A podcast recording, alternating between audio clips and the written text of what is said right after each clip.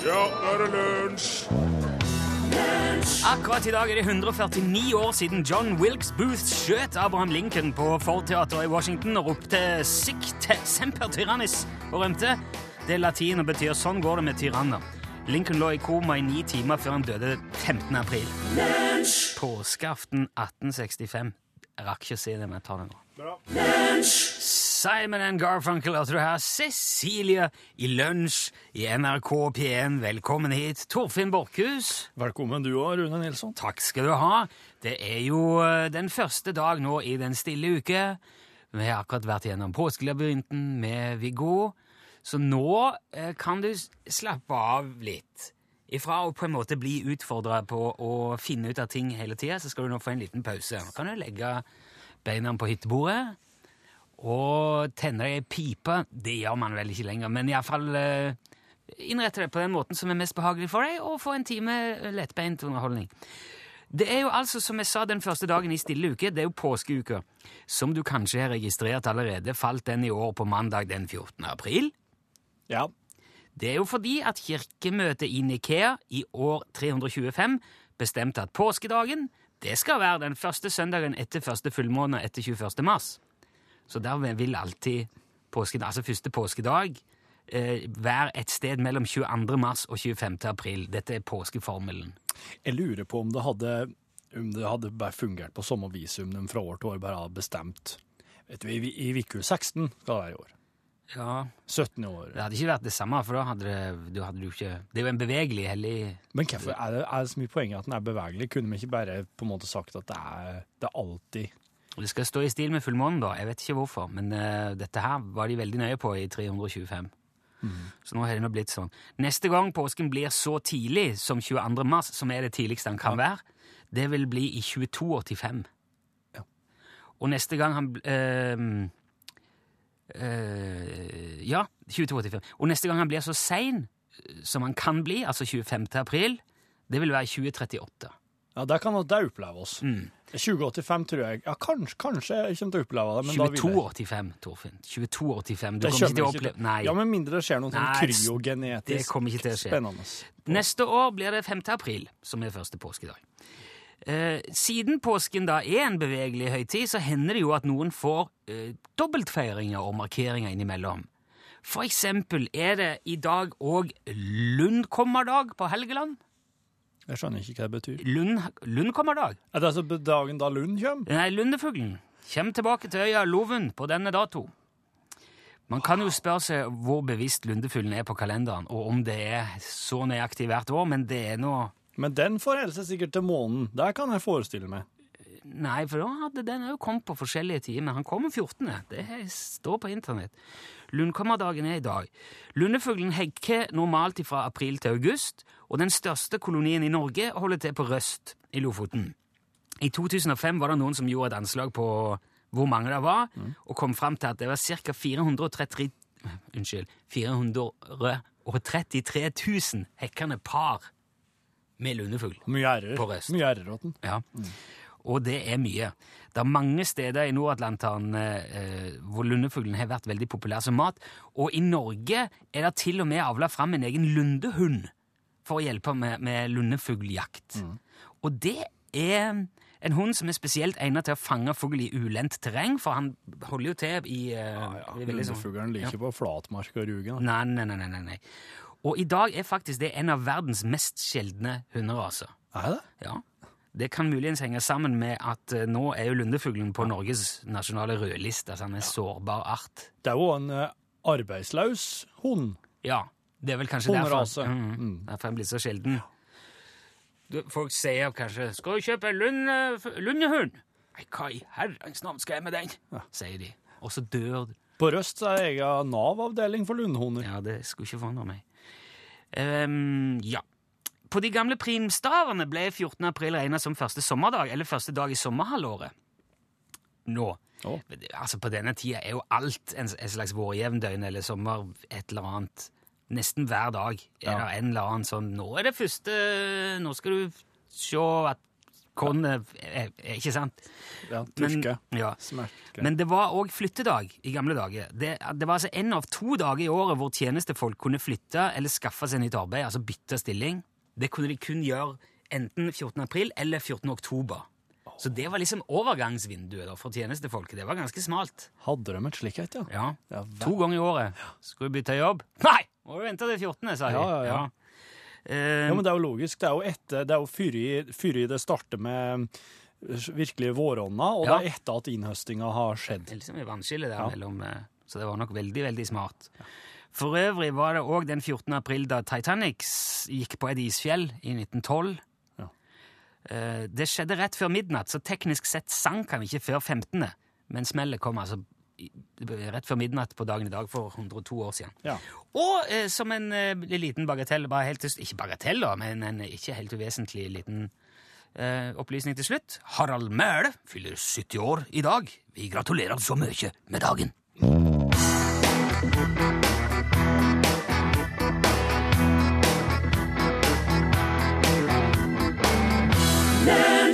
Ja, du hørte her de to ringrevene Justin Timberlake og JC, Suit and Tie. Det som er Det har jo blitt en tradisjon yep. her i lunsj eh, i påska med påskekrim. Og eh, vi gjør aldri noe med våre eh, krimetterforskere Freddy McIntosh og Charles Darlington Lobster uten lytternes innblanding. Og før helga så spurte vi jo om eh, forslag til tittel på årets påskekrim. Det kom inn veldig mye fint, men du plukka en som jeg ikke klarer å la være å tenke at det var på bakgrunn litt av sånn current affairs, av nyhetsbildet den siste uka. Ja, det var det. det var det. Ja. Skal, ja, det det er jo avslørt. Ja, det er jo- Synkehullet som forsvant, er Jep. tittelen på årets uh, Macintosh og Lobster-krim. Da er det vel egentlig bare å legge i vei. Ja, skal vi bare gjøre det? Ja, legg i vei, du. OK.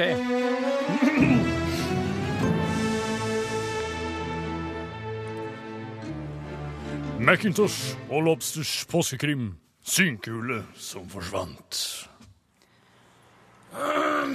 Hvorfor i all verden har du dratt meg ut i dette pregløse stedet, Lobster? Dette helt flate, kjedelige, ganske monotone stedet hvor det ikke er noen verdens ting som helst. Langt derifra, sør.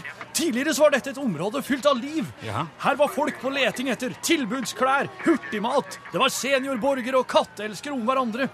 Her sto det et fireetasjes kjøpesenter, sjef. Her? Ja, Georgs grill og kiosk sto der borte. Her var rullatorparkeringen til eldresenteret. Og her bak oss lå en kattekennel. Alt dette forsvant i natt ned i synkehullet. Jeg har lest loggen, sør. Synkehuller? Det var et synkehull her, sør. Det dukket opp i går kveld, lokal tid 21.00. Dette har altså vært åsted for et synkehull. Det Ja. er besynderlig. Ja, Et av synkehullets mest fremtredende og typiske egenskaper er jo at det er så vedvarende, Lobster. Stemmer, sør. Ja, faktisk vil det være vanskelig å bli kvitt et synkehull, men her har det altså forsvunnet, sier du. Ikke bare forsvunnet, sør. Det har blitt stjålet. Ja. Jaså. Meget spesielt. Forrige gang noen prøvde å stjele et synkehull, så fikk vi jo Mallorca-krisen. Det var den italienske sanitærbevegelsen som reidet den kanariske øyen og forsøkte å laste et av middelalderens aller største synkehull på en empirisk lektor. Er det sant, sør? Over 100 000 mann omkom den gangen, Lobster. Forferdelig, sør. Men Hvilke indikasjoner har du som tyder på at dette er tyveri, da, Lobster? Vi har funnet tre hjulspor, sør, som leder vekk fra stedet. Avstand fra for til bakhjul er 133 cm, noe som tilsier en svensk Crescent trehjuls transportmoped med saksmotor og trekasse. Ja, så Ja, det er vel på like mange måter et spørsmål om hva som er tilført, som hva som er fjernet fra dette åstedet. Men du sier det går hjulspor fra stedet. Vis meg hvor, er du snill. Her borte, sør. Her ser du hjulsporene. Her. Leder de vekk. Her ser du tydelig akselerasjon. Ja, ja, ja. Det Små dekkbiter, men åpenbart en kresent, ja. Og det gjør vel at du tror det er svenskene som står bak, Lobster? ja, det er jo nærliggende å anta det. Nei, det kan vi utelukke med det samme. Hva kan vi det? Ja, disse hjulsporene er stipulære. Se her. Det er helt unikt for. Viking gummifabrikks efterkrigsmodeller. Det var jo mangelen på gummivalser som var så stor etter okkupasjonen at fabrikken altså måtte lage gummivalser av bjørk. Hva er det du sier, Ja, man kan tydelig se årringene i furene på sporet lobster. Se her! Se her! Men dette må da ha gått hardt utover bjørkebestanden, Så. Ekstremt. Det var jo også på den tiden de begynte å dope bjørken. Hva er det du sier, sør? Ja. Dopet de bjørketrær. De dopet bjørketrær i stor stil etter krigen oppstod for å få dem til å vokse raskere. Legger jo merke til hvor fort bjerken vokser i dag. Ja, Er dette også grunnen til at de fine, hvite bjørkestammene har sånne svarte sår på seg? Selvsagt, selvsagt. Dette er et bjørkedekk, om jeg noen gang har sett et. Dette er satt av norske dekk med norsk sjåfør, både sporene og, og, og, og alt. Men men, men, skal vi følge bjørkesporet, da, sør, eller? Det er slett ingen dum idé, Lobster. Du viser deg å være et tenkende menneske gang på gang. Ja, ja, da kaster vi oss i bilen. Det gjør vi, Lobster.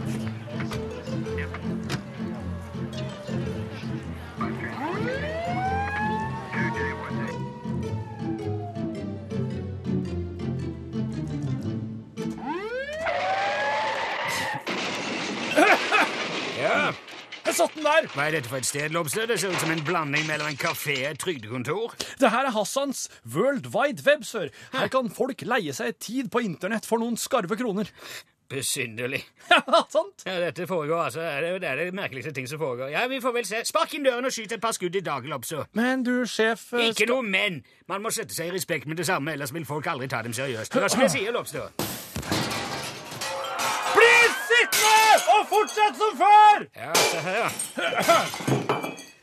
Ja, her er det så masse EDB-maskiner, ser jeg. Hva er det som har foregått her? Her, her, her, har altså, eh, her har altså folk sittet og, og, og, og surfet på nett, og det det ser for så vidt ut til at lokalet er fullt. Bortsett fra den ene, ene stolen der borte i hjørnet, sør. Ja, det er kanskje naturlig å se på den. Ja. Hmm, maskinen er fortsatt varm. Her, ja. Hva står det der, Lobster? Her er tre faner åpnet, sør. Det er eh, Nettby her, Enova og eBay. eBay, ja. Ja.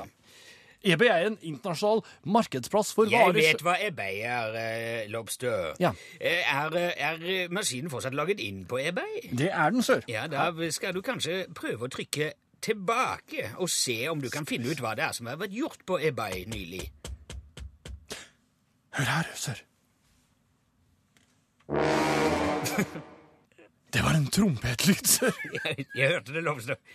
Skulle den være Skulle den Det var åpenbart at, åpenbart at han, at han med dette prøver Synkehull til salgs! Sinkhole for sale! Synkehull selges, fremstår som nytt, uhyre effektivt, må hentes i Hammersborgveien 42. Nei, Hammersborgveien, du. Ja, så Det ser ut som vi har tatt gjerningsmannen rødfinget, Lobster. Det kan se sånn ut. så. Noter adressen og merk synkehullet som solgt før du logger av. Så klart, så klart. Det er bare én potensiell kjøper til dette hullet, og han kommer til å møte opp personlig i neste episode i morgen.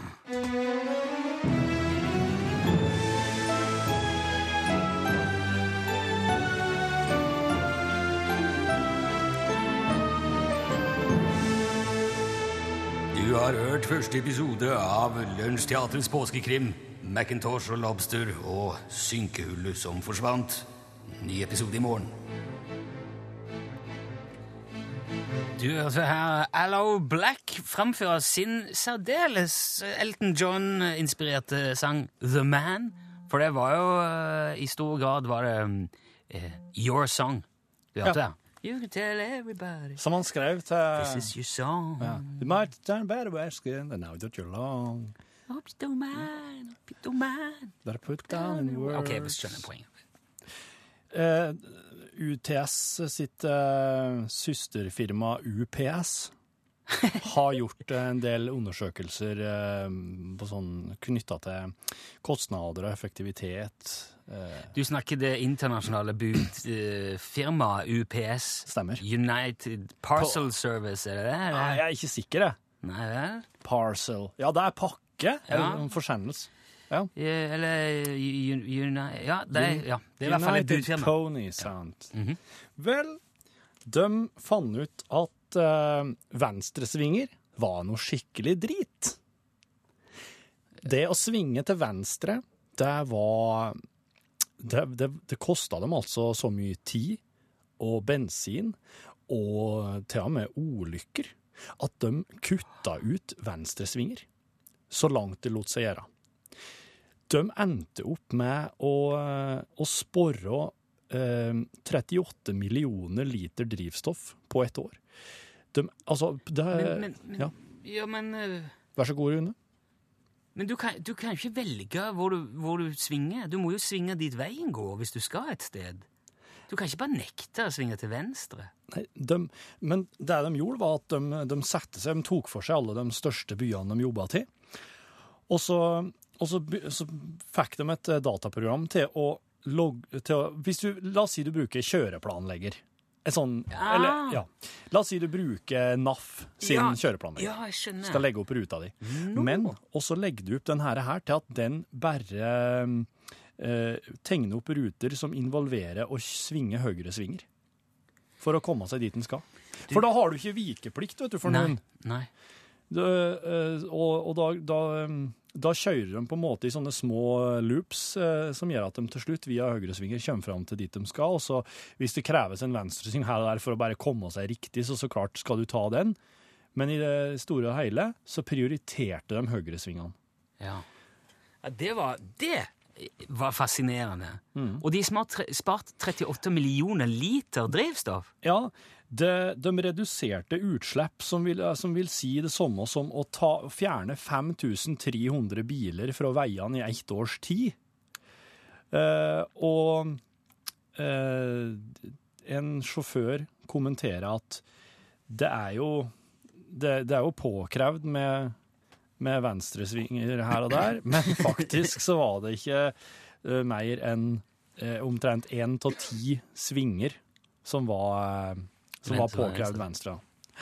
Det minner litt om han der eh, tolvåringen eller hva det var som fant ut at eh, myndighetene i USA bare ved å bytte font på utskriftene sine kunne spare 50 fantasiliarder dollar i sekunden. Eller, det var ikke så mye, men det var betydelige Så det er jo eh, det der baner vei for et nytt yrke. Ja, Det ja. tror jeg. Lurer på hvor mye vi kunne spart på å bare puste inn. Er det, eller, eller Nei. Ja, men Vi må bare ha prata riksmål hele veien. da. Ja, Kanskje oss hadde Skal se- Kanskje gjort oss ferdig på en halvtime. skal se litt på det. Tenke på det mens vi hører Hekla Holstre. Nei.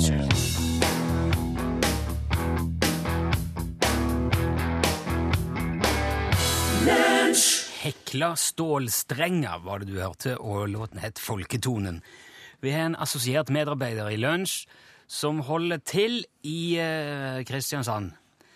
Han eh, er jo egentlig gått av med pensjon for god tid siden. Han har gjort noen småjobber for oss. På den første av de så krysser han av på ansatt på et skjema, og da har vi på en måte fått et slags ansvar for Ansgar eh, Valdemarsen.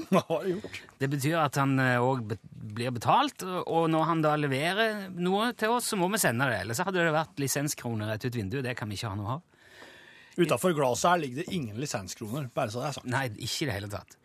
Det uh, I dag skal det vel handle om påsketradisjon, etter hva jeg har forstått. Så her er Ansgar Valdemarsen. Påsketradisjoner er jo på mange måter veldig annerledes enn eh, andre tradisjoner, og det er fordi at de alltid bare dukker opp rundt eh, påsketider. Noen bruker egg, noen bruker harer, og andre bruker andre ting, men hjemme hos oss var alltid påsken ensbetydende med kokos. Min onkel Pontus reiste nemlig på utenriksen i alle år, og hvert år da han kom hjem til påske, hadde han med seg en kjempediger amerikakoffert full av kokosnøtter. Og det var ikke de tørre og ribba kokosnøttene han får i butikken i dag. Nei da, det var eh, saftige, grønnbrune og myke kokosnøtter som måtte flås og flenges og laskes og transkjæres før de kunne brukes. Og det var alltid stor ståhei da onkel Pontus kom med årets kokosladning. Hele familien ble satt i sving med å rense og klargjøre kokosnøtter. Til og med min søster Ankara tok seg da noen dagers pause ifra blåskjellplukkinga si for å flette kokosfibre. De brukte mamma til å flette sykkelhjul med, som vi solgte i Vågen for 20 øre stykket. Kokosmelka ble brukt til å lage kokosvafler og kokosost, eller bare som leskedrikk for oss barna. Og kokoskjøttet ble gjerne salta og tørka og hengt i sjøbua, eller grava, røykt eller luta og lagt på glass. Alle deler av kokosnøtter ble tatt i bruk, og ingenting ble kasta.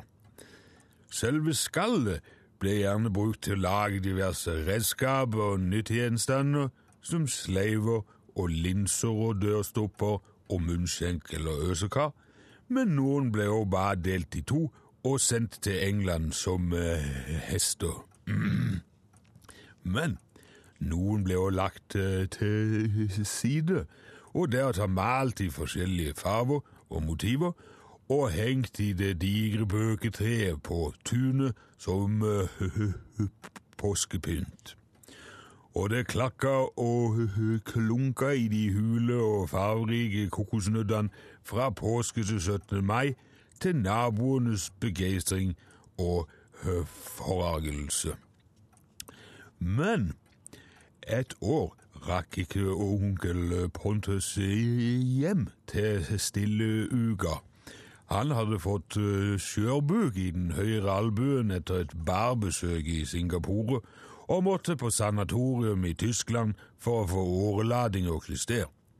Og det var den første påska jeg hadde opplevd uten kokosnøtter i hele mitt liv. Og mine foreldre var både fortvila og beskjemma, og de viste knapt sin arme ro. Men tilfeldigvis fikk far en kasse argentinske meloner fra en dansk smugler som betaling for et spann med makrellfett det året, og vi gjorde selvfølgelig det beste ut av det, men det ble ikke det samme.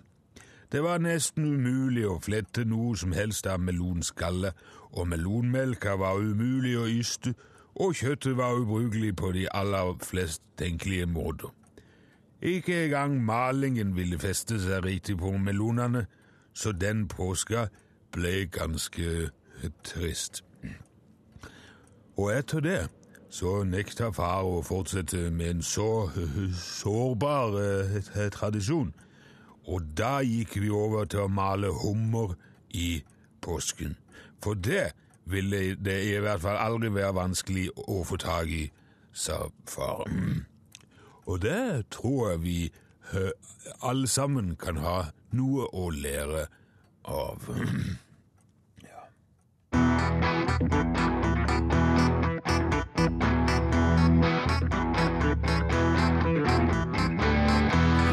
Det var Marilyn Monroe, I Wanna Be Loved By You.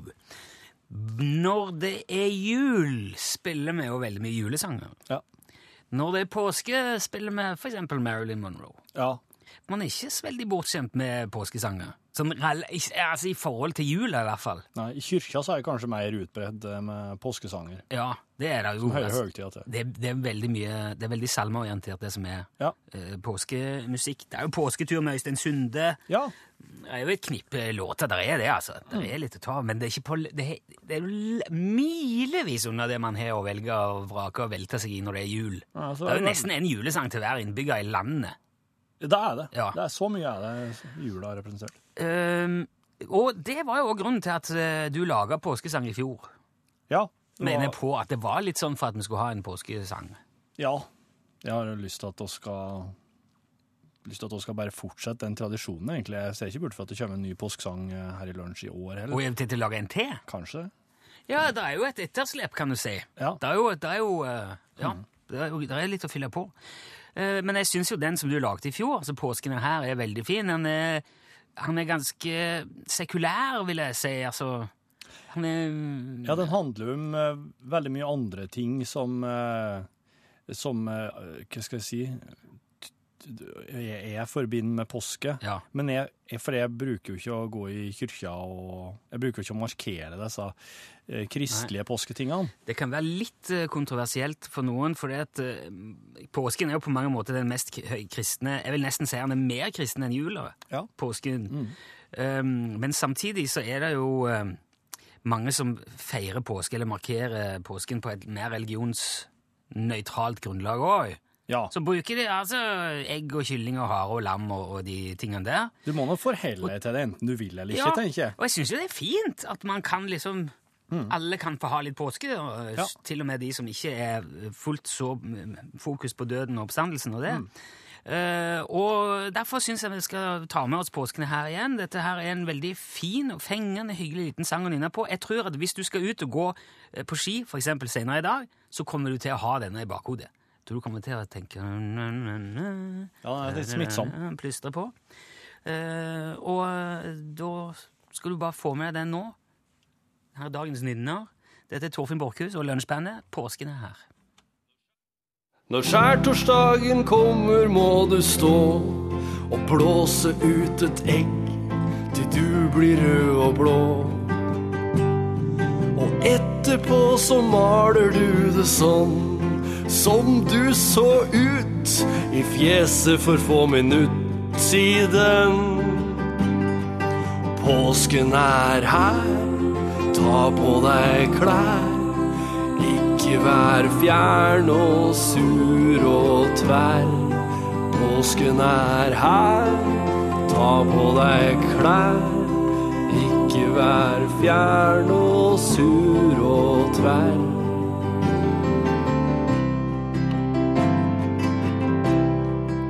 Du, påskeharen har gjemt masse egg. Jeg vet det høres rart ut, for han har jo ikke skjegg. Men du må ikke blande påske med jul. Jula er en gaveting, påska den er gul.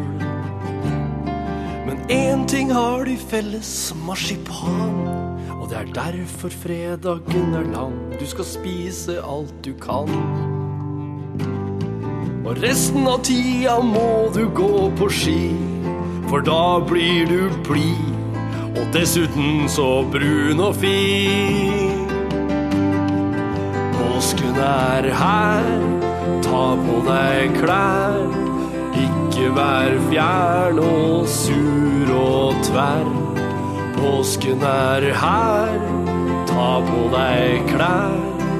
Ikke vær fjern og sur og tverr.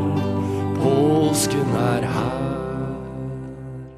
Ja, er Torfinn og lunsjbandet. Påsken er her.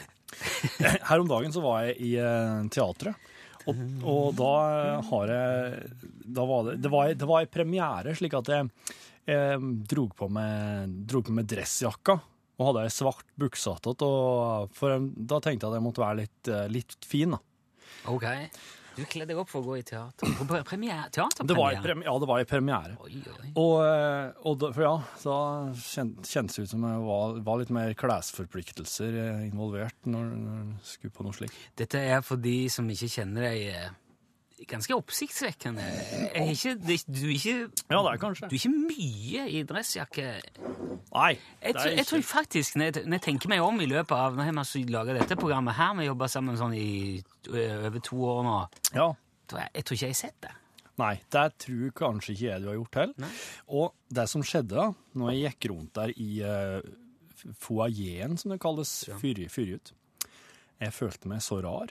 Jeg følte meg så, Det var noe, et eller annet som ikke stemte. Det var en slags obehag, eller um, en slags sånn her luggende følelse av at uh, noe ikke var som det skulle. Og det var veldig tre, Trefte kjentfolk, ikke sant, og fikk meg en eh, pils, og jeg var, var riktig så. Det var veldig, veldig mye fint rundt, rundt det, omstendigheter. Var, var de Hadde andre barnevakt og Ja. ja. Var de andre i dress og sånn? Ja, jeg vil si i stor grad så var det. Ja, ja. Ja, jeg syns folk virka pynta. Og, men jeg klarte ikke å sette fingeren på det før jeg to dager seinere skjønte hva det var Jaha. som var problemet. Det var at som jeg sagt, jeg hadde barnevakt. Jeg hadde på meg dressjakke. Hæ? Og akkurat idet barnevakten kom og skulle ta over ungene, eller de hadde lagt seg så vidt, og jeg bare kasta på meg dressjakka, tok imot barnevakten, sa brus i kjøleskapet, chips i skåla, ungene er der, og forsvant ut døra, så jeg måtte, jo, jeg måtte jo bare ta lommebok, mobil og nøkler og over fra jakka jeg vanligvis bruker, og Ja. hive inn i dressjakka, for det var god temperatur. Ja, okay. Men jeg la mobil og lommebok og nøkler i feil lommer. Jeg la dem i lommer der jeg vanligvis ikke bruker å ha dem på kroppen. Det var det som var hele greia, hele ubehaget. De var ikke i de riktige lommene. Og det, og det gikk du rundt og kjente Ja, på til uten, uten at jeg skjønte hva det var. Ja vel? Den følelsen av å ha lommeboka øverst på venstre side, og ha mobilen øverst på høyre side, og ha nøklene nedi den storlomma på, på venstre side, det var, det var sånn feil på alle mulige vis. Dette er altså nok til å sette deg så ut at eh, du går og grubler på det i to dager. Ja, det gikk opp for meg etter to dager, ja, og Ja. da skjønte jeg hva det var, og det var nok til å Det satte meg ikke ut mens jeg, var på fore, mens jeg satt i teatret og så forestilling, men det satte meg ut før og etter, og jeg skjønte det først etterpå. Så det er Det der eh, lommebok, mobil og nøkkelrutinen er viktig. Eh, Du skal få et uh, telefonnummer av meg etter sending til en eh, kar som er kjempe, kjempeflink. Okay. Så ringer du, og så snakker du med han. OK, det skal jeg. Han er ikke dyr heller. Nei, fint. Takk.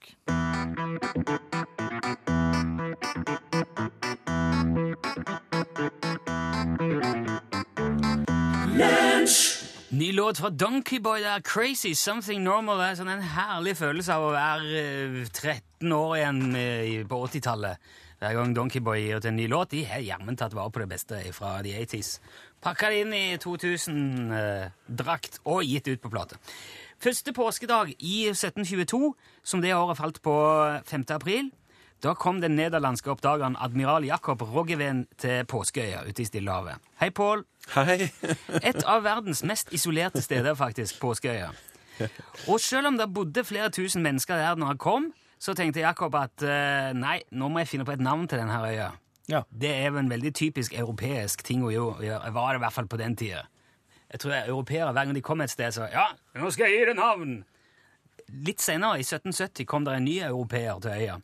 Spanske kapteinen Don Felipe Gonzales. Han ga han òg navn. Nytt navn. Og kalte San Carlos etter Carlos den tredje av Spania. Ingen, Ja, Ingen av de brydde seg om at han het Rapanui fra før. Nei da.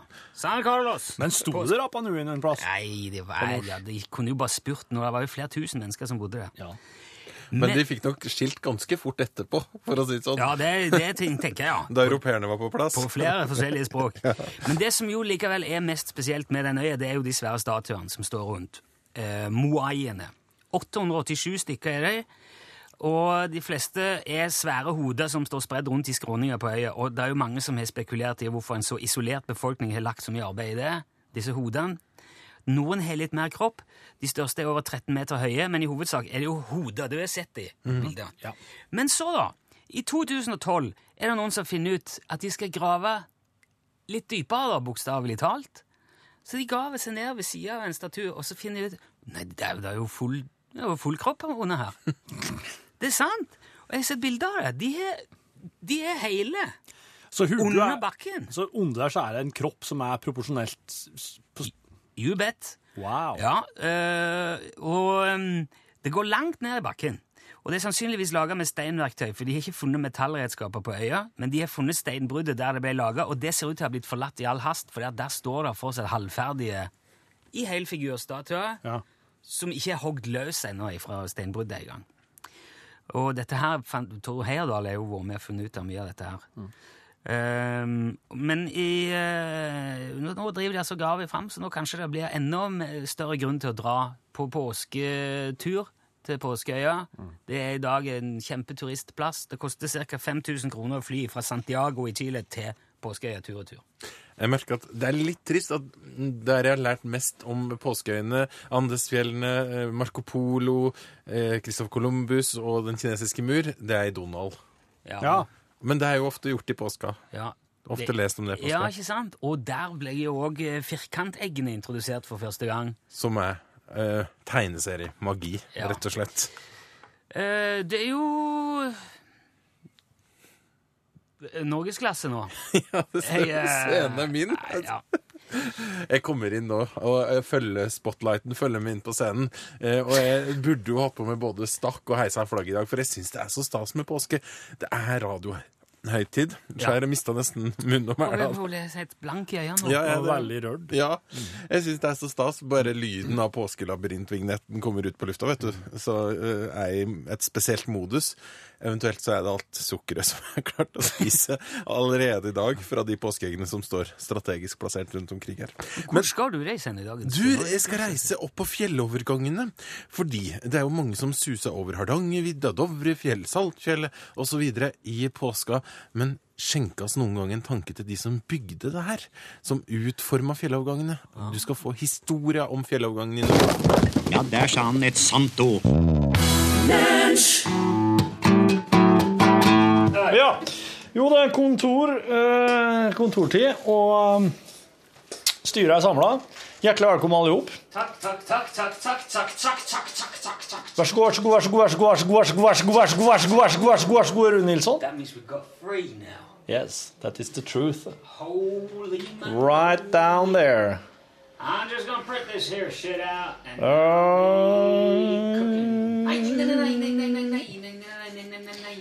Ja. Jeg vil nå først bare få begynne med Altså, eh, tusen takk for alle tilsendte lydquizer. Jeg, jeg skal det, det kan hende oss sette i gang med på et. Hva er det som skjer? Det der må jeg bare stoppe. Hva da? Ja, ja, iallfall. Uh, oss ba jo om Oss ba jo om innspill når det gjelder eh, radioøyeblikk, eller radio, radio eh, Pri radio-utdelinga som, som, som foregår på høsten. Men også er vi nødt til å nominere ting nå, da. Oss typene sjøl. Dager, hva heter det her? Det kan være at Norgesklasse de har avrundet redaksjonsmøtet sitt ut her nå. Eh, nei, kanskje jeg skal fortelle venter til Rune kommer igjen før jeg begynner med det her. Hva som skjedde? On crisis har printet alt. Å, tæsj I 4X, så må ut og slette det. Å ja, du kan gjøre det, ja. Ja. Ja. Men nå skal jeg være jævlig lur. Jeg er opp det, ser du. Sånn. Lang og ikke så relevant mail Gjeldende side. fra Sjur Mikael. Hallo igjen. Veit det ble et litt nedlagt emne, men jeg tar det opp igjen. Her på gården har vi drevet med rev siden 1986, starta opp av bestefar min og far min. Far min overtok formelt sett i 2012 gården, men det betyr ikke at både to, både to har arbeid med den ene formelt sett har hatt ansvaret. Jeg har lest det, det er ganske interessant. så Jeg bare går i det her imens. Skal vi si noe? Jeg har lest det, og jeg vet hva det er. Ja, ja. Mm. Det stemmer at prisene har vært veldig høye den siste tida. Revene har det ganske så bra, vil jeg påstå. I løpet av det siste året har det blitt sett en del større krav og nye forskrifter, som til dømes større bur, vindbeskyttelse og liggehyller i bura. Det er også krav fra Mattilsynet, Norges pelsdyravlslag, om at veterinær skal komme innom og se på hvordan dyra har det, en gang i kvartalet, tror jeg. Hos oss har jeg bare hørt om gode tilbakemeldinger. Om sommeren har vi også jordbær, og når folk ønsker å plukke sjøl, så ligger den ene åkeren kloss i revgården. Da får de som vil være med og se på dyra, være med og få se på de som vil være med og få se på dyra. Og ofte henter de ut en liten kvalp for å vise folk. Det er populært, vet du. Det var min kommentar for øvrig. Det er bare å komme innom for å se dersom de skal være i nærleiken. Ja det, Hva er det? Jeg har helt glemt hva det her er, Sjur Mikael. Jeg kan også forstå Rune sitt argument, men dyra har det som sagt ganske så bra. Hvor lenge var det forresten drift i Dalholen? Å, dæven. Eh, fra 19... Eh, fra 1981-82 og helt fram til så vidt innpå 2000-tallet, vil jeg anta. Og drev de og mata for han? Ja, det gjorde oss. Har vært med på det et par ganger når fôringsmaskina har streika, men i desember ble det kjøpt ny fôringsmaskin, så det er det forhåpentligvis slutt på. Ja da, vi gikk og, gikk og skau et slags sånn trillebår og hadde oppi for hånd, med sånn eh, nesten sånn sandkasseaktig spade. Når det gjelder det sykkelsetet ditt, Rune, vil jeg påstå at fasong på setet òg er anslagsgivende. Ja, ja, Det kjenner jeg egentlig godt. nå. Hvordan går det med ræva? Når det gjelder det jeg skrev om improvisasjon, så gjelder det mest i podkastsammenheng, da forskjellige typer av improteknikker eventuelt kan prøves ut, tulles med. Var litt usikker på hvordan jeg skulle formulere. Ja, ja, altså, du mener når det bare skjærer ut her i et eller annet sånn Dominic Street Road Fashion? Det er jo Ja. Oh my god, I've seen fear, and you're not it. Nei. You're a rotten bitch. Yes, I am. You stink with your face, your rotten face. I have been lying outside in the rain all night. I have nowhere to sleep. Why are you wet in your face? Don't you keep your face inside? I have, I have no roof. I have nothing to call my own. All I can do is lie outside and wait for someone to offer me their house and hospitality. Nå har jeg fått gjort så mye. Ja. Nå kan du slappe av i ræva di. Nå skal jeg um, Slapp, kjenne litt på det. snart um, I am soon going to put my ass to the test again. Yes! det minner meg om Lars Ulrich in Metallica, ja. Jeg tenkte på Arnold. jeg, har lest mye Arnold. What the fuck? Skal vi gjøre noe artig om Arnold? Ja, mye artig her nå. Arnold spilte Handsome Stranger i Cactus Jack Slay. Ja, det gjorde han. Den filmen der kunne vært kul å få tak i. Det var en sånn en Jeg husker en film jeg så for meg Top Secret. Hvor får du den henne nå for tida? For eksempel. På Blu-ray. Film? Ja, Film? Top Secret. Top Secret? Hva er det for noen film? What?! Er det sånn der Leslie Nielsen og sånn? Ja, i landskapet, men han er vel ikke med Leslie Nielsen, tror jeg. Men det er sånn Det, det, Ja, det, er det, det er litt sånn. Aeroplane og Ja, ja. Det var Zucker Brothers, tror jeg. Sukkerbrødrene Ja Det er sånn James Bond-parodi. Nazi i Tyskland og eh, amerikanske rockestjerner som kommer til okkupasjon og Ja, ja. altså, alle, alle på syre. ja. Du. Så, så det er ei ku med støvler på Ja, coveret. ja, ja, ja, den, ja. Den, ja. Nå demra det. Hvis noen har noen tips om den, så vil jeg ta gjerne imot det. For den der finner jeg ikke, ikke i iTunes og ikke på Netflix. Ingenting, ingen av det der. Han er sikkert en eller annen uh... oh, Jeg leser annet. Skal jeg sjekke. Ja, du, for det her er uh, Arnold er jo nå Året er 1968. Uh, 1969. Arnold er i uh, California. eh, jobber for en som heter Joe Wider. Treningsstudio. Driver og bygger seg opp. Skal har ambisjoner om å bli Mr. Olympia, Mr. Universe og Mr. World. Um, på et tidspunkt så kommer Arnold på at jeg trenger en treningskamerat som kan liksom utfylle med, og han visste om en som heter Franco Colombo, som er italiener, bor i Italia, som han vil hente over.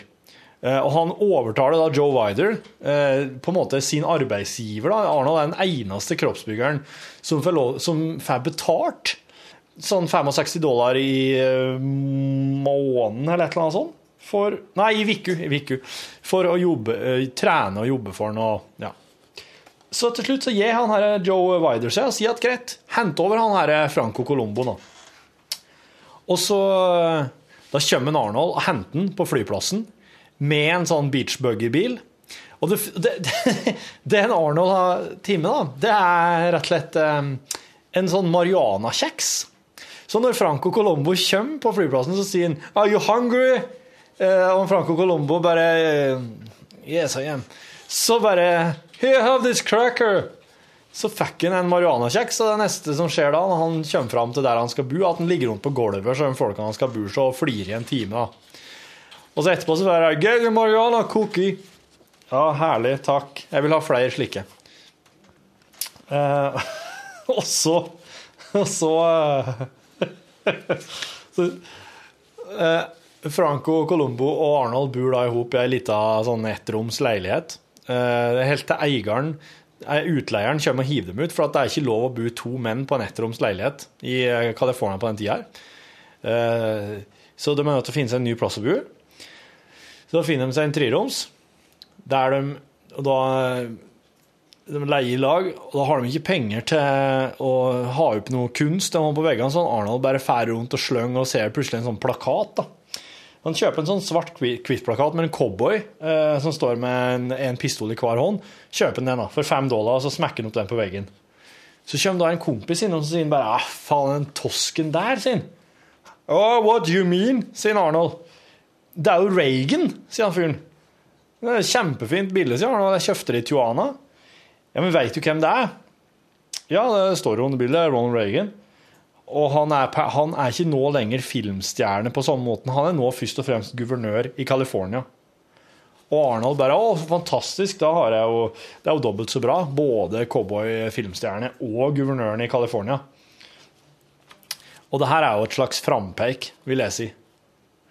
Arnold blir jo seinere sjøl filmstjerne og guvernør i Folldalen. Folldalen! California!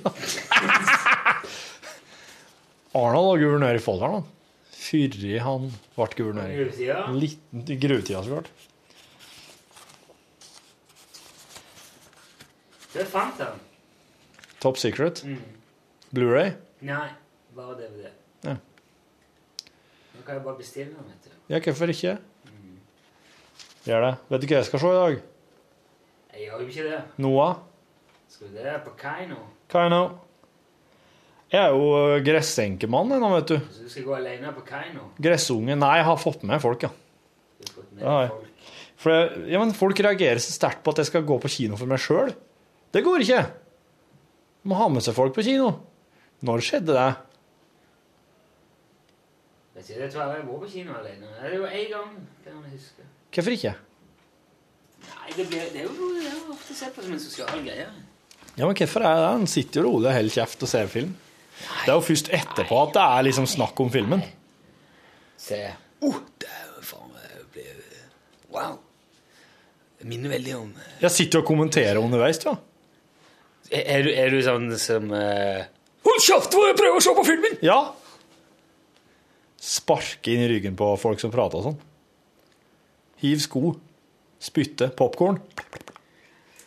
Ja, ok, hvis, du, hvis jeg skal prøve å se på det litt sånn dypere psykologisk, sosialt, så vil jeg si at det det der med å liksom få bekrefta Det er mye hyggeligere, jeg synes det er mye hyggeligere å se film sammen med noen du kjenner, og, så, og du får liksom denne bekreftelsen på at dere er samme humor, på at du, at du har litt sånn At det er ting til felles, da. Ja. Hvis den ikke er så godt kjent fra før, ja. Jeg synes Det er veldig, det er for eksempel spesielt trivelig synes jeg, å se film med mine brødre og øh, min mor. Ja. For vi, ler, vi, kan, vi, vi får, kan få sånne henger Jeg ler av ting på en annen måte, for jeg vet Ja. hvordan de Ja, tenker. ja det skjønner jeg. ja. Og hvordan jeg òg tenker når jeg er med deg. Og så sitter vi og vet med, med liksom referanserammeverket og sånn. Mye og kan- Ja, og, og det er veldig ofte når jeg ser film med deg, i mye større grad enn med noen andre, så blir det sånn latter og kule da, som vedvarer. Du kan liksom spille, spille ting i hodet om og om Ja, ja, ja. Det bare ekskalerer. Ja. Ja. ja. Så derfor syns jeg Men det altså Det er ikke noe i veien med å gå, sikkert gå og se filmer eller Jo, jeg vet jo, jeg, Ja, det liker jeg godt. Jeg har nå lest om at eh, Arnolds første filmrolle, 'Hercules i New York', har du sett den?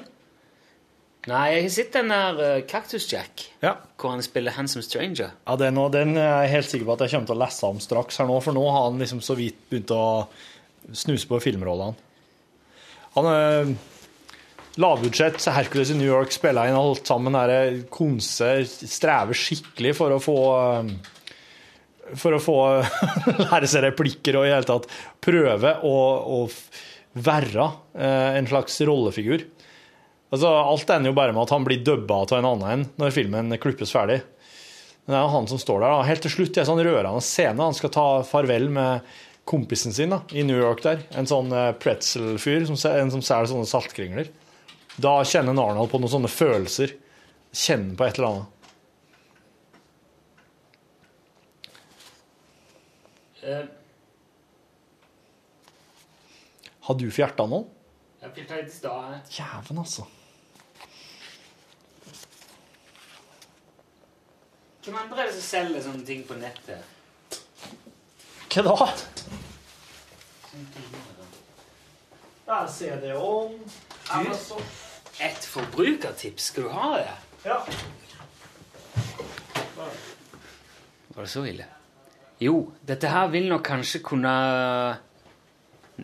oppleves som på grensa til reklame, men det er det ikke, altså. Jeg har ingen som helst fordel av å si dette her. Men jeg velger å gjøre det likevel. Jeg har pleid å gå på platekompaniet og kjøpe film. Ja. For de sånn eh, De kjøper jo stort, de er utspekulerte, de har pressa De har jo in effect slakta hele platebutikkbransjen. Ja. Og er nå de eneste som klarer å leve av det der, omtrent. Ja. Så de er jo pressa priser litt sånn. Derfor du kanskje eh, Altså, når Hobbiten kommer på Blu-ray, så tenker du ok, da har de gjerne litt sånn De har den gjerne til 139 eller noe sånt i starten, eller 129. Ja. Ikke sant? Fint. Skal jeg gå og ha Hobbiten, og så jeg skal ha Hobbiten og denne Frost. Ja. Den skal vi ha. Så, øh, så er vi nede på Ja, vi er nede på ladesenteret, ladesenter eh, sted i Trondheim, da. Så lenger jeg innom Elkjøp. Gjett hva Hobbiten Smaugs ødemark koster to dager etter release på Elkjøp. 99, da. 89 kroner! På Blu-ray. Så de er liksom 30 kroner 40 kroner billigere enn Hell yeah! platekompaniet? Yeah. Hvordan i alle dager? Gjett hva Frost koster samme dag som han kom ut på Blu-ray. 89? 79 kroner! Fuck. Det er faen meg helt på et styr. Det, det må være fordi altså Elkjøp er jo samla sett større, da. De tar inn Ja, de, Det er jo hele, hele Norden der, vet du. Og de klarer Sikkert å konkurrere med platekompaniet. Det syns jeg var Det var oppsiktsvekkende. Ja, det var, jeg, det, jeg ble helt sånn det Hva i all verden? Og jeg sto og kikket på Er det noe kødd? Ja. Er det noe Hva Ja. slags blue er det? Nei, ja, to disk med og, så, og der hadde de jo De kjøper sikkert inn veldig mye. For Ja. der, der hadde de jo den der nyutgivelsen av Titanic. Ikke på 3D, men på Blu-ray. da Oh, ja. Og den Eh, kom også nå. Med sånn firedisk spesial uh, Den koster 59. Er den lenger òg, da? Er det sånn uncut? Nei, jeg tror ikke det er den er bare digitalisert og 3D-realisert og sånn. 3D Wow! Ja, nei, men jeg skjønner at det, det der er jo eh, Det der er jo topptips for uh, filminteresserte.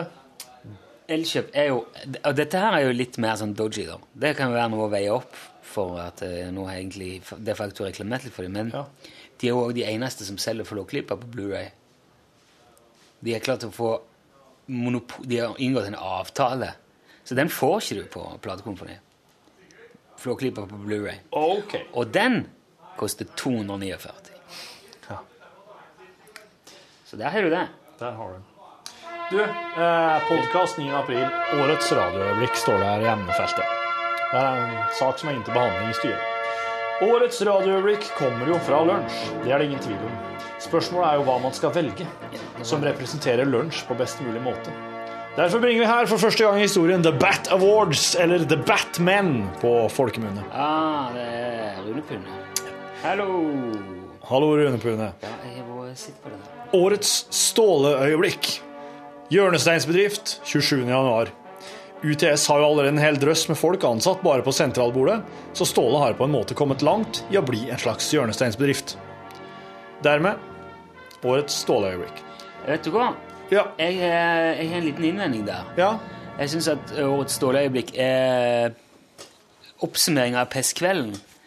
Som kom i fjor høst. Ja, når Steve ble hengende i kveita over nøstet der og måtte ri stormen ut, mens de andre satt i nøst og drakk, Ja. og han gikk i bakken og Ja, når kveita ble tatt av vinden, da. Så jeg, jeg, jeg er litt eh, Det er to kandidater der, altså. To Ståle.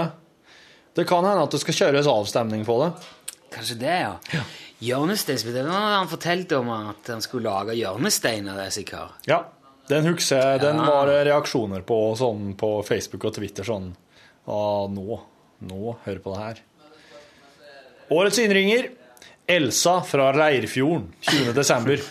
Midt i julestria blir Elsa oppringt til UTS, svarer feil, men snur på en herlig måte med et proft lite 'et øyeblikk', Før hun drar telefonmantra med klokkeklar diksjon og følger opp med å tvinge Rune til å dra frem sine dialekttalenter. At det ble en Salten-dialekt og ikke helgelending tilgis, da Leirfjorden ikke er så lett å plassere nøyaktig på kartet på live radio. Ja, den, eh, den spørs det om også skal hive inn. Årets lyd Francisco Tarega, Gran Vals 27. januar. Eller Nokia Tune for små, små barn og andre folk som ikke har filla peiling på artige, små klassiske stykker for gitar. 27. 27. januar var ei satans bra sending, skriver Rune Pune. Wow. Årets Charlie, Live the Life. Juryens begrunnelse, party. Det her er liksom Det her er, eh, det her er liksom lunsjutdelingen, det her. Ja. Det er jo ikke um, årets, ja, årets Charlie. Det var gøy hvis det var en kategori i, i den her radioprisutdelingen. Ja, men jeg skal bare finne måter å få nominert det her på innafor Pri Radio-rammene. Ja. Ja. Her kunne vi sagt konsertsendinga òg, men det hadde vært feigt, skriver Underpundet. Konsertsendinga tror jeg nesten eh, Ja, den har vært fristende og nominert som radioøyeblikk, men det er jo ikke et eh, Det må jo være litt sånn live. Det er jo langt øyeblikk, da. Årets nykommer, Bjørnar Barleggquist, 7. februar. Vi har blitt veldig glad i Bjørnar her i The Batcave, så tidenes første nykommer-Batman tildeles, tildeles Bjørnar for hans spådom om ni OL-gull. Det faktum at han bomma med to legger, ingen demper på stemningen. Vi har fremdeles vondt i magen. I åpen klasse går prisen til en av de mange gangene Torfinn får seg en på kjeften av Stig. Like artig hver gang. Lag gjerne en samling av all julinga så langt, og send meg på mail, så jeg kan ha det som ringelyd på min bærbare lommetelefon. Det ser jeg just du skulle få- få til. ja. Dette er de foreløpig nominerte fra The Batcave. Som Rune sier, så er det jo en hel måned til fristen, så det er ennå tid til å overgå dere selv. Hilsen Rune Pune, The Batcave, Raufoss, Rock City. T-skjortestørrelse perfekt. Eller som streitingene vil at jeg skal hete, bo og ha T-skjortestørrelse. Rune Raufoss, størrelse medium. Ja. Jeg eh, Det var kjekt å Jeg går ikke å huske på det der, som sagt. Sånn. på det. Jeg må høre igjen. det. Så følger han opp med podkast 9. april. Sendinga i dag, det var jo da uh, Hole-spesial. Sendinga i dag var forresten dritbra. Fikk ståpels her. Det var jo en herlig dramatisk seanse, sjøl om jeg hørte det seint på kvelden i podkast. Støtter nominasjonen til liveprisen fullt ut med høye kneloft og hornmusikk. Og den er jo nominert, den sendinga. Indeed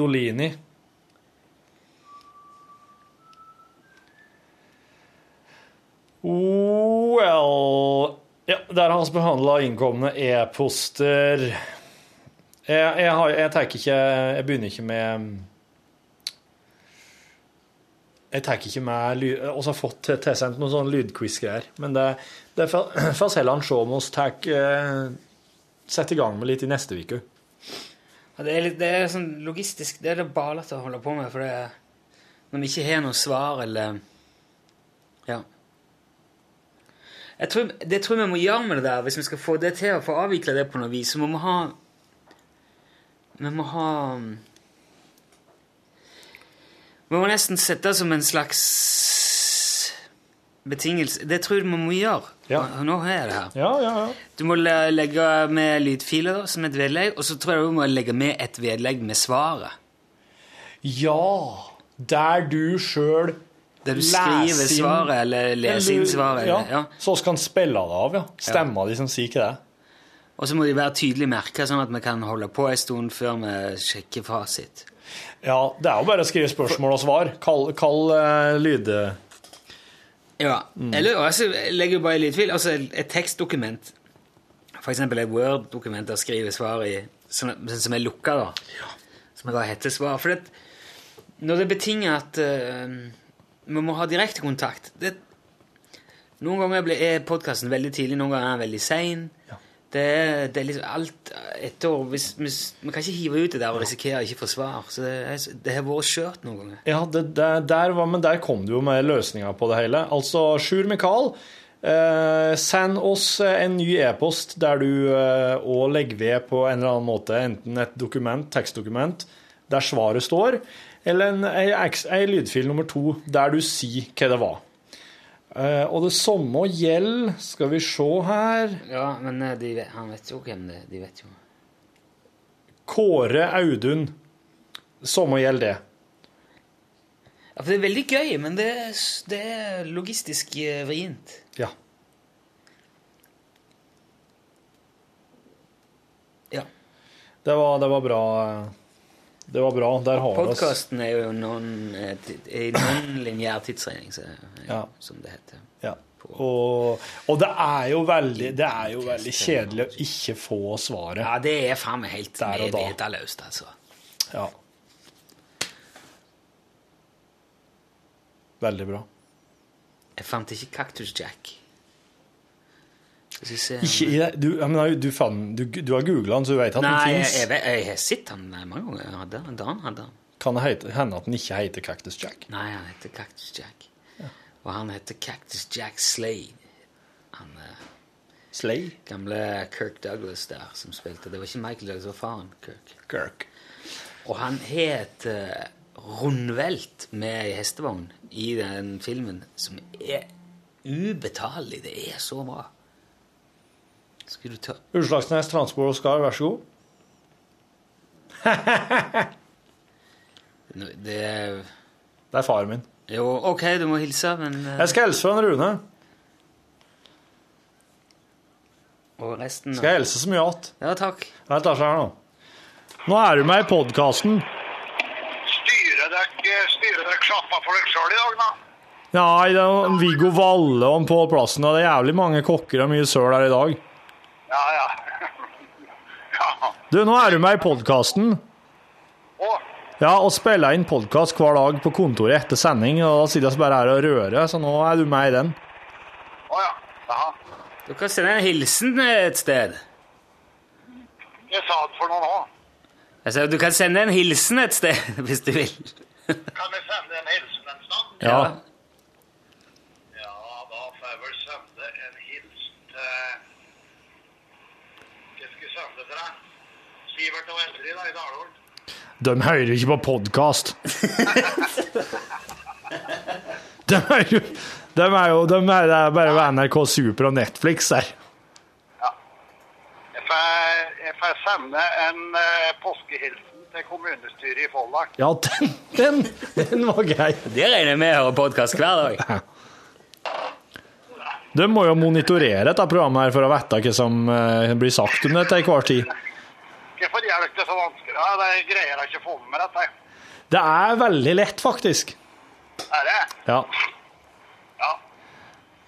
Jeg får se når jeg kommer hjem, da. ja, du må gjøre det. Ja. Så det. Ja. Skal, skal, var det noe viktig du skulle uh, si at vi òg? Nei, sitt, sitt du opptatt nå, så er det Nei, det var ikke noe viktig. Nei, nei, nei. nei. Da slei jeg heller på det etterpå. Jeg. Gjør det der, jo. Hva har du baki i dag? Er det gris, eller? Har jeg kjørt storfe? Storfe, ja. Skal kjøre gris i morgen. Ja, det var det, ja. OK. Ja. ja. Jepp. OK. Nei, men Kjør da- pent. Ja, greit. Hei, hei. Ha det. Gris i morgen. Ja. I morgen så kjører kjøre smågriser. Vet du hva jeg så på Men de skal ikke slaktes, da. De skal, det er livdyr, som de sier. De skal bare fraktes fra en gard til en annen i live. livdyr? ja. Og det er det som er livdyr? Det er livdyr.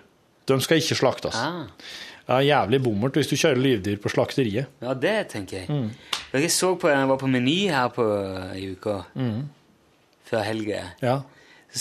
De har et sånt fryseskap på Meny på solsida der. Ja. Med litt sånn eh, Sånn kjemperekegreier, frosne, importerte ting. Ja. Sånn dimsum scampi-aktige greier. Blekksprut. ja. Og en pattegris. Vakuumpakka pattegris. Som det så ut som noe som var støpt i isopor eller marsipan. Så lå liksom og smilte i en sånn bu bøy. Dæven. En liten pattegris. Frossen. Vakuumpakka. Bong, Inni. Og han var liksom satt opp så han sto bong. Det er et absurd syn. Jeg skjønner ikke hvorfor jeg ikke tok bilde av det. Jeg har hatt lyst til å kjøpe pattegris eh, opptil flere ganger, men kjerringen nekter meg.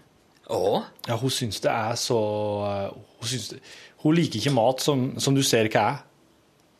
Kjære folk. Men ser, det er jo ikke vanskelig å se at det er kjøtt. Nei, du ser at det er kjøtt, men det er liksom litt fremmedgjort, det, da. I forhold til dyret som står og går og et og Så du, skit. liker- du spiser ikke reker heller, da? Krabbe og sånn? Jo, hun spiser jo reker og blåskjell og ja, så Ja, ja, det. gjør hun. Du kan ikke spise brød heller, for du ser jo med en gang at det er et brød. Ja, ja, det gjør du. Ja. Ja. Det Og Men sjokolade er jo ikke vanskelig å se hva det er heller. Nei, du bryter Det er jo bare liksom Ja, Utrolig inkonsekvent. Sånn som appelsin. Men appelsin er litt sånn Eh, Ikke sant? Sånn du, Ja. Ei gulrot. Gulrot. Det er jo helt oppe i dagen, hva det er du vet. Og for alt du vet, så kan den fortsatt være kjempe i live. Ja, faen, det er et poeng. Du, du, du, Du hører ikke grønnsakene skrike. Gudskjelov, vil jeg si. The cry of the carrots. Gulroten som hylte i natten. Det er spørsmål om når Charlie kommer igjen i dag. og Jeg lurer på om kanskje Tror du han kommer igjen eh, på eh, Onsdag. Kanskje på onsdag? Ja, jeg tror det. Tenk, Det hadde vært kjekt hvis han fikk til det. Ja. Han, jeg vet han har hatt det veldig travelt i det Fy siste. fader, altså. Det har vært mye. Ja, det er så mye forbundet med plateutgivelse. Og, så er han sikkert tilbake til Stikkelsbergen iblant og, og holder på med Ja. Ja, men altså, det, For dette her er jo jobben hans. ja. Han har ikke noe eh, Kan ikke være i Norge hele veien. Nei. Jeg må spørre han hvordan han takler jetlag. Om han opplever det som et problem, eller om han kjenner på det i det hele tatt. Ja. Det hørtes veldig interessant ut. Eh, Hvordan en person opplever et luksusfenomen. Det er veldig spennende. Det kan jeg alltid gjøre. Det runder av på samme måte som jeg begynte. da.